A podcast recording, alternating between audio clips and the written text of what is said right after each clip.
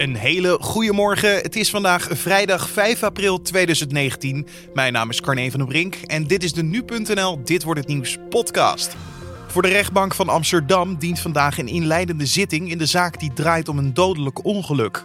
In december vorig jaar kwamen de bestuurder van een motor en zijn passagier om het leven na een ongeval op de A10 bij Amsterdam.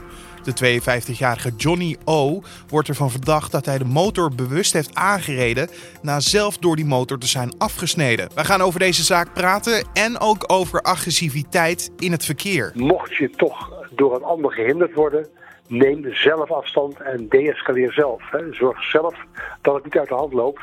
Want het kan soms uh, veel verder uit de hand lopen als dat je dat uh, gezien het voorval zou vermoeden. Je hoorde politiecommissaris Egbert-Jan van Hasselt. Met hem en rechtbankverslaggever Joris Peters gaan we straks verder praten over agressie in het verkeer. Maar eerst kijken we naar het belangrijkste nieuws van nu.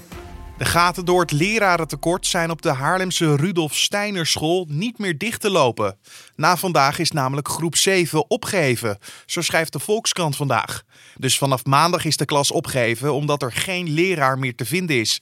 De leerlingen worden verdeeld over andere vrije scholen in Haarlem, Hoofddorp en Hillegom. Het is een nieuw dieptepunt in het lerarentekort dat toch al steeds grotere gaten in het onderwijs slaat. Twee weken geleden hief de Joppenschool in Leiden nog groep 8 op. De jongen die zich bij de Amerikaanse politie meldde als de vermiste Timothy Pitson, blijkt uit DNA-onderzoek dat hij niet de jongen is die sinds 2011 wordt vermist. De man is de 23-jarige Brian Michael Reaney uit Ohio, een bekende van de FBI. Hij vertelde de politie het verhaal van Pitson, een zesjarige jongen die verdween na zijn moeder zelfmoord had gepleegd. In een afscheidsbrief schreef ze dat haar zoon nooit gevonden zou worden. De man vertelde dat hij jarenlang was vastgehouden door twee mannen, maar woensdag wist ontsnappen. Uit het onderzoek kwam naar voren dat het DNA behoorde aan Reaney. Hij heeft 14 maanden in de gevangenis gezeten voor inbraak en vandalisme en was begin maart vrijgelaten. De tante van Timothy Peetson zegt dat de zoektocht naar haar neef doorgaat en vraagt iedereen om te bidden voor Reaney. De politie heeft ook het onderzoek naar de vermissing nog altijd niet afgesloten. Het neerstorten van een Boeing 737 MAX in Ethiopië in maart en Indonesië vorig jaar kwam door fouten in de cockpitsoftware. Dat erkent Boeing-CEO Dennis Muilenburg nadat een voorlopig rapport is verschenen over de crash. In een statement zegt Muilenburg dat uit het voorlopige rapport duidelijk naar voren komt dat in beide gevallen het zogenoemde MCAS-systeem ingreep terwijl dat niet nodig was. Het resultaat was dat de toestellen tijdens de vlucht met de neus omlaag werden gedrukt. Muilenburg maakte namens Boeing zijn excuses aan de familie van de slachtoffers en hij voegde eraan toe: deze tragedies hebben ons diep geraakt. Al dus de CEO van Boeing. De stad Chicago is van plan om acteur Jesse Smollett aan te klagen in een civiele rechtszaak. Zo meldt TMC. De gemeente eist compensatie voor de gemaakte kosten die zijn gemaakt tijdens het onderzoek naar de mishandeling van de acteur, die volgens de autoriteiten nooit heeft plaatsgevonden. Chicago zegt zo'n 100.000 dollar, dat is omgerekend 116.000 euro, te hebben besteed aan een rechercheonderzoek. De stad heeft Smollett eerder een formeel verzoek gestuurd die kosten op zich te nemen, maar de acteur weigert dat. Als de rechter hem alsnog verantwoordelijk acht voor onnodig politieinzet, kan de acteur worden veroordeeld tot het betalen van maximaal drie keer de gemaakte kosten.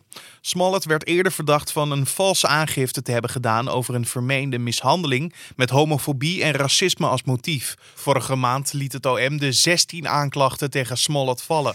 En dan kijken we naar de dag van vandaag, oftewel dit wordt het nieuws. We gaan het hebben over agressie in het verkeer. Want wat zou jij doen als je op de snelweg rijdt en je wordt door een medeweggebruiker afgesneden en daardoor klap je tegen de vangrail? Ga je dan de confrontatie aan of laat je het zoals het is? Nou, vandaag is er dus een inleidende zitting over een strafzaak waar een man koos voor de confrontatie. Met een verschrikkelijke uitkomst. Want Joris Peters, rechtbankverslaggever van nu.nl, wat heeft er op 10 december 2018 op de A10 plaatsgevonden? Nou ja, wat, wat in ieder geval wat we tot nu toe weten is dat uh, uh, twee mensen op een motor hebben gezeten. Uh, die hebben al dan niet bewust een auto afgesneden die daardoor in de vangrail, praktisch bijna in de vangrail belanden. Um, en uh, wat daarna is gebeurd, dat is niet helemaal zeker. Wat we wel weten is dat de auto uh, de motor heeft geraakt. En dat die twee uh, mensen die daarop zaten zijn overleden. Um, ja, en is het dan eh, bewust gebeurd, hè, is dan de vraag. Nou ja, de man zelf in de auto zegt van niet. Hij zegt wel dat hij inderdaad eh, richting de motor is gereden. En dat zijn bijrijder toen het raampje heeft opengedraaid en de mensen eh, toen heeft gesommeerd te stoppen. Ehm, en dat hij toen waarschijnlijk te dichtbij met zijn bij zijn auto bij de motor terecht is gekomen, waardoor hij ten val is gekomen. Ehm, eh, getuigen verklaren dat, dat ze de man eh, doelbewust eh, richting de motor hebben zien sturen. Dus dat wordt eigenlijk de insteek van deze rechtszaak. Ja, de vraag is natuurlijk of dit een vergeldingsactie is geweest. Ja, precies. Ja, van inderdaad, van was het gewoon, hé, hey, ik ben afgesneden. En nou goed, hè, de, de, de, de man ontkent niet kwaad zijn geweest. Alleen hij zegt er was gewoon sprake van een ongeluk. Ik heb nooit doelbewust richting, richting die mensen gereden met mijn auto. Je hebt ook met de advocaat van eh, de verdachte gesproken. Wat zei die over deze zaak? Nou ja, die zegt eh, inderdaad wat, wat zijn cliënten. Hè. Ik bedoel, de man is niet eerder in aankijk geweest met de politie voor dit soort eh, incidenten. Dus we hebben hier niet te maken met een, iemand die, die vaker agressief is in, de, in het verkeer. In ieder geval niet dat hij daarop is betrapt. En inderdaad dat er dus sprake is van een ongeluk. en niet een doelbewuste actie. Want zo is het natuurlijk wel. Hè, de- zo wordt het wel gezien door het Openbaar Ministerie. Ehm, dus dat wordt nog wel een, een lastige juridische kwestie. Ja. Ja, en als we kijken naar deze zaak, het maakt het natuurlijk moeilijk dat degene die op de motor zaten allebei jammer genoeg zijn overleden Ja, door dit ongeval. Ja. Ehm, maar hoe wordt dan dan door het Openbaar Ministerie of de rechtbank naar deze zaak gekeken? Aan de hand van camerabeelden? Of Ja, dat, dat zal zeker gebeuren. En ook aan getuigenverklaring. Het maakt het wel lastig. Het was donker en regenachtig toen in december. Eh, dus ik kan me voorstellen dat dat het visie van getuigen eh, kan beïnvloeden. Hè? Dus hoe sterk is dat? Eh, maar camerabeelden kunnen daar eventueel wel wat over zeggen. Ja. Uiteindelijk wordt er dan gekeken natuurlijk eh, wat er uit deze zaak gaat komen. Ja. Eh, eh, eh, zie jij een planning voor je hoe het eruit komt? Nou ja, kijk, dit is de eerste inleidende zitting. Daarna zijn we drie maanden, gaan we verder. Ehm, het ligt eraan, hè, de Openbaar Ministerie vertelt op de eerste dag altijd de stand van het onderzoek. Of dat doen ze altijd met een proforma. En als zij zeggen, wij zijn al heel ver, we kunnen al naar een inhoudelijke behandeling toe. Dan duurt het niet zo lang. Maar mogelijk dat zij nog veel meer willen onderzoeken. Dat kan, dat er eh, technisch onderzoek nog plaats moet vinden en zo. Maar dat zullen we, dat zullen we vandaag allemaal horen. Dankjewel rechtbankverslaggever Joris Peters. We gaan nog heel even verder praten over agressie in het verkeer. Want is dat juist meer geworden of minder? Anders gezegd, hoe lang of kort is ons lontje geworden als weggebruiker? Daarover gaan we praten met politiecommissaris Egbert-Jan van Hasselt en tevens portefeuillehouder verkeersveiligheid bij de politie. Want meneer van Hasselt, hoe erg is het momenteel gesteld met agressie in het verkeer? Nou, we zien helaas wel dat het eh, toeneemt. Ehm, de gevallen waar wij bij moeten komen zijn bijna verdubbeld in de afgelopen vijf jaar. Eh, dus ehm, het lijkt wel of we steeds een korter lontje in het verkeer hebben. Ja, waardoor denkt u dat mensen in het verkeer vaker agressief worden of in ieder geval verhit? Ja, enerzijds is het natuurlijk gewoon drukker gewoon in het verkeer. Dus we zitten dichter op elkaars lip. Dat betekent dat we af en toe wat meer ruimte aan elkaar moeten laten. Dat eh, gunnen we elkaar soms niet. De tweede lijkt wel of we wat gehaaster zijn. We staan wat vaker in de file. Dan willen we toch eh, net even een paar meter eerder in de file staan als de voorganger. Dus de combinatie van eh, drukker, gehaaster, eh, minder eh, tolerantie. Dat zijn allemaal factoren die eh, meespelen. En hoe moet ik het voor me zien? Is dit dagelijkse kost of eh, ben ik dan eh, te overdreven bezig? Nou ja, als ik kijk naar het aantal meldingen waar wij, eh, wij eh, worden geroepen, dat waren in 2018 eh, bijna eh, 6400. Er zijn natuurlijk heel veel gevallen waar wij niet bij komen. Het was nog in 2013 waren het er maar eh, 3150. Dus dat is meer dan verdubbeld. Ehm, en als ik zie eh, eh, hoe vaak er eh, ja, toch ook agressie, zeg maar geweld bij komt kijken, dan hebben wij waarschijnlijk wel de gevallen waarbij het echt het hand loopt. Dan is in 40% van de gevallen is er sprake van geweld. Dus dat is echt niet, niet normaal meer. En kunt u voorbeelden noemen, niet specifiek hoor, maar van situaties die agenten misschien in dagelijkse vorm meemaken in het verkeer? Van agressiviteit? Ja, ik zou bijna zeggen, kijk eh, naar de dashcambeelden. Dan zie je natuurlijk talloze voorbeelden van, eh, van hoe het als klein, eh, ja, eh, zeg maar, een klein voorvalletje begint en dan soms behoorlijk uit de hand kan lopen. Het begint inderdaad vaak heel eenvoudig. Iemand geeft een ander geen voortgang, voorrang of iemand anders snijdt iemand eh, volgens de ander. Ja, dan eh, staan ze vervolgens stil bij een verkeerslicht, en stappen ze uit, ontstaat een gesprek. En het gesprek kan helemaal uit de hand lopen. Dus het is vaak een relatief klein voorval wat helemaal kan escaleren. Dit lijkt me een extra druk op de schouders van de agenten die hiermee te maken hebben. Nou ja, zeker. Want ehm, je kan enerzijds, uh, op het moment dat je er als agent bij komt, is het vaak al behoorlijk uh, uit de hand gelopen. He, want er is ook reden geweest om te gaan bellen, de omstanders of de, de betrokkenen. Uh, maar we zien ook eindeloos veel voorbeelden zelf, waarbij mensen net eventjes te dicht op je bumper zitten, wat vaak toch als zeer irritant overkomt, dan gaat iemand even extra remmen. Nou, dan is eigenlijk al eigenlijk uh, het leven geschied, want dan uh, begint de escalatie.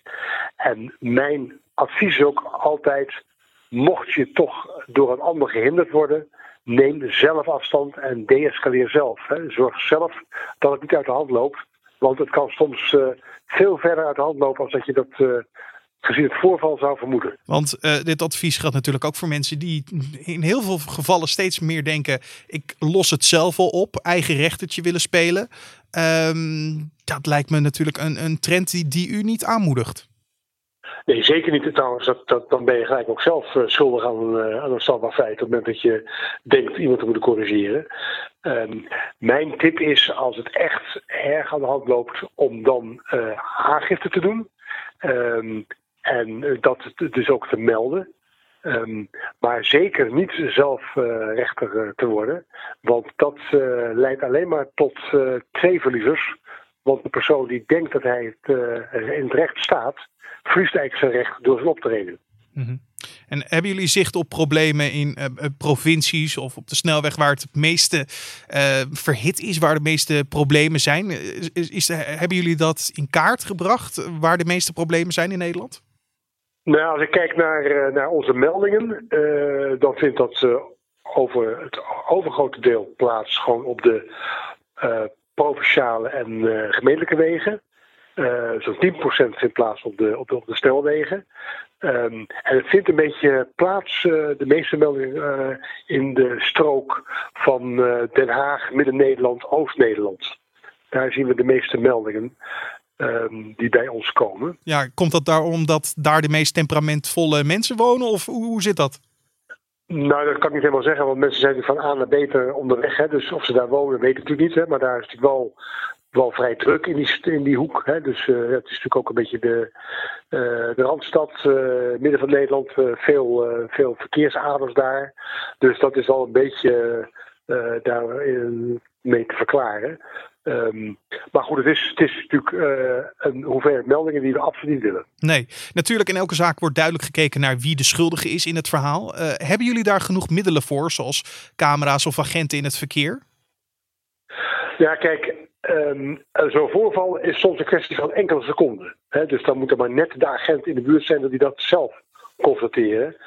Overigens is het ook zo dat als er een opvallende politieauto rondrijdt, er opeens allerlei model verkeersdeelnemers krijgen. Hè. Dat zal dus net zien. Uh, ja, dus dat zal daar niet zo gauw uh, gebeuren. We hebben natuurlijk ook het fenomeen van de dashcam.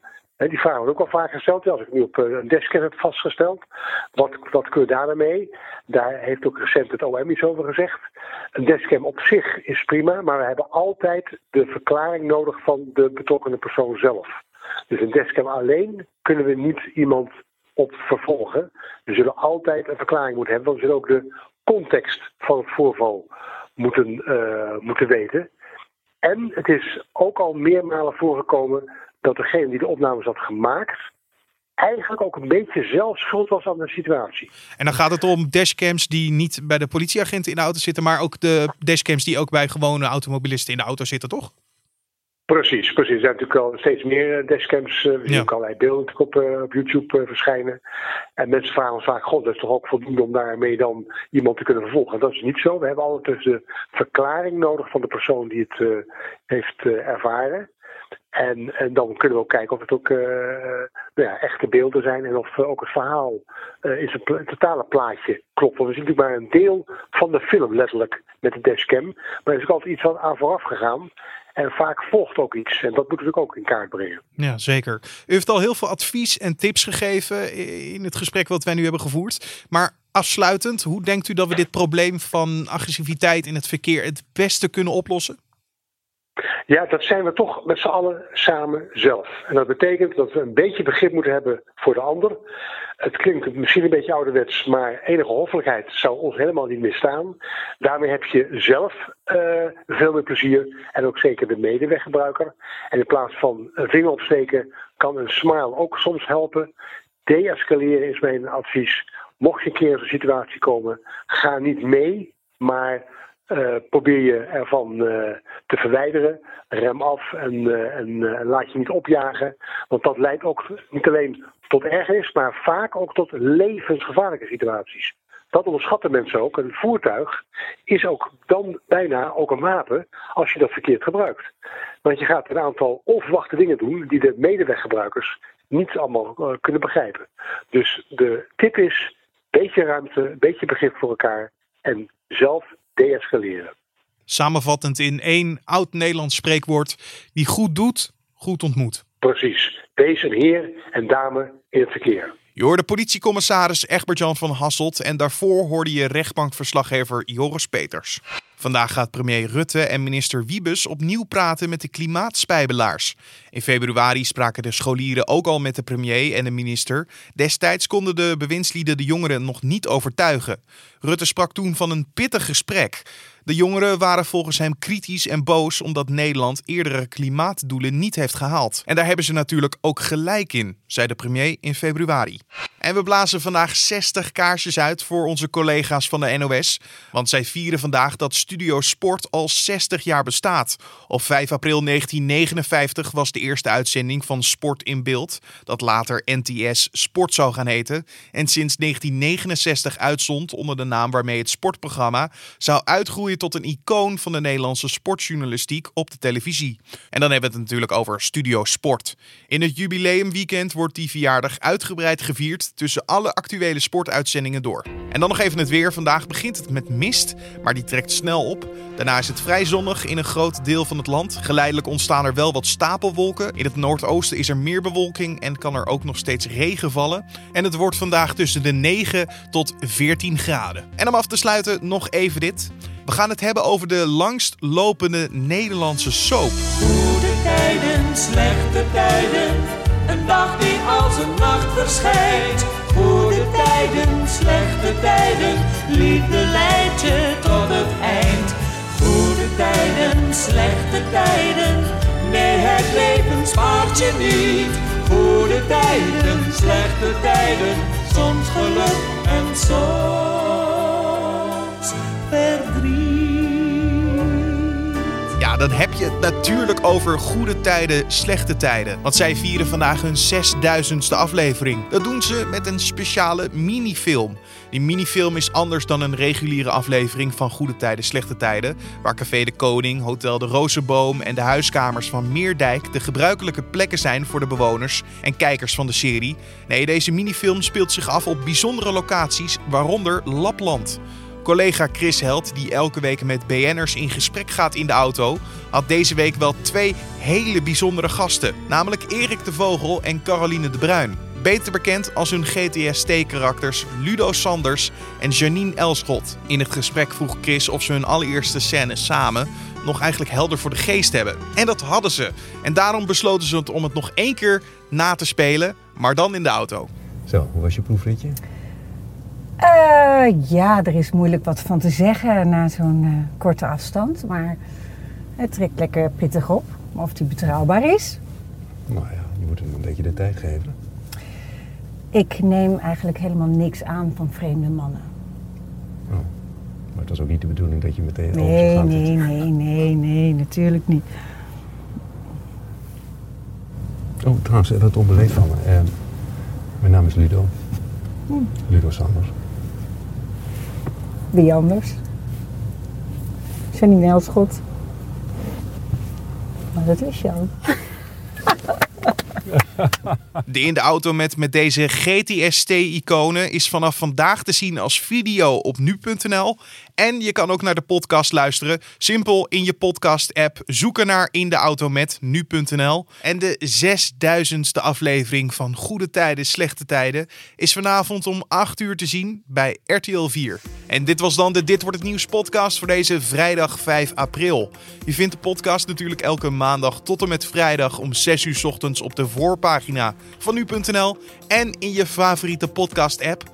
Laat ons weten wat je van deze podcast vindt in een mailtje naar podcast.nu.nl of natuurlijk een recensie in iTunes. Doe dat vooral, zo help je namelijk andere mensen deze podcast ook weer te vinden. En wij zien gelijk ook wat je van deze podcast vindt. En dat helpt ons ook weer om deze podcast te verbeteren. Dus het heeft allemaal met elkaar te maken. Doe dat vooral, zou ik zeggen.